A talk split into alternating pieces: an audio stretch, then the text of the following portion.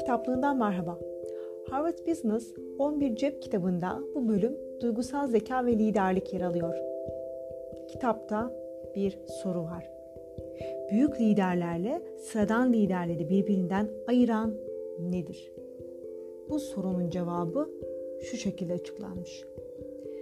Daniel Goleman'a göre bu IQ veya teknik beceriler değil, duygusal zekadır.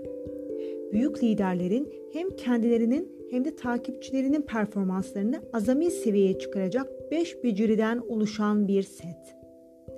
Bir şirketteki kıdemli yöneticiler duygusal zeka yeteneklerini belli bir seviyeye çıkardıklarında çalıştıkları bölümlerin yıllık kazancı da %20 oranında artıyor.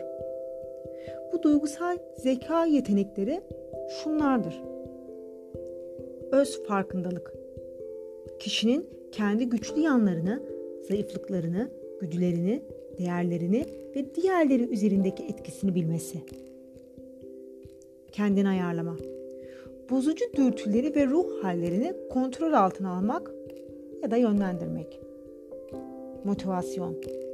Başarının kendisinden zevk almak. Empati.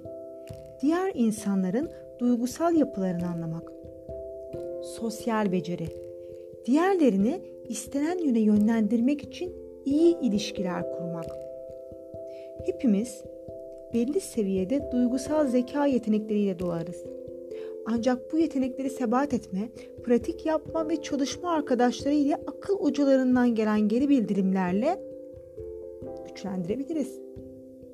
Kitap, duygusal zeka ve liderliği 6 adet liderlik tarzı detaylarıyla açıklanmış.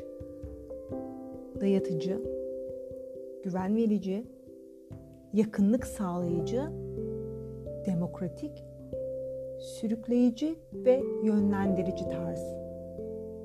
Bu tarzlar üzerinden başa döner ve bize der ki kendimizi ve ilişkilerimizi etkin bir şekilde yönetme yeteneği olan duygusal zeka dört temel yetiden oluşur.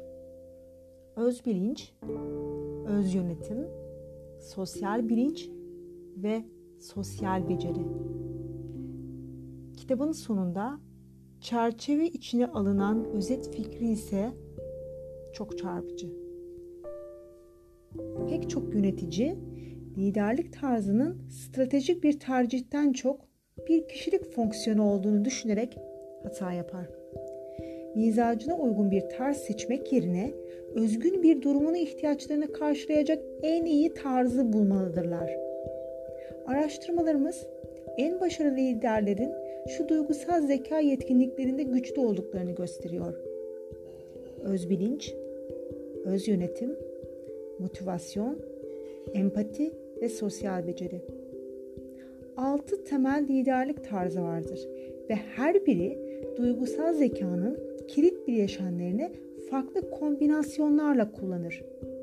En iyi liderler bu tarzlardan sadece birini uygulamazlar pek çok tarzda ustalaşırlar ve koşullar gerektikçe farklı tarzlar arasında geçiş yapma esnekliğine sahiptirler.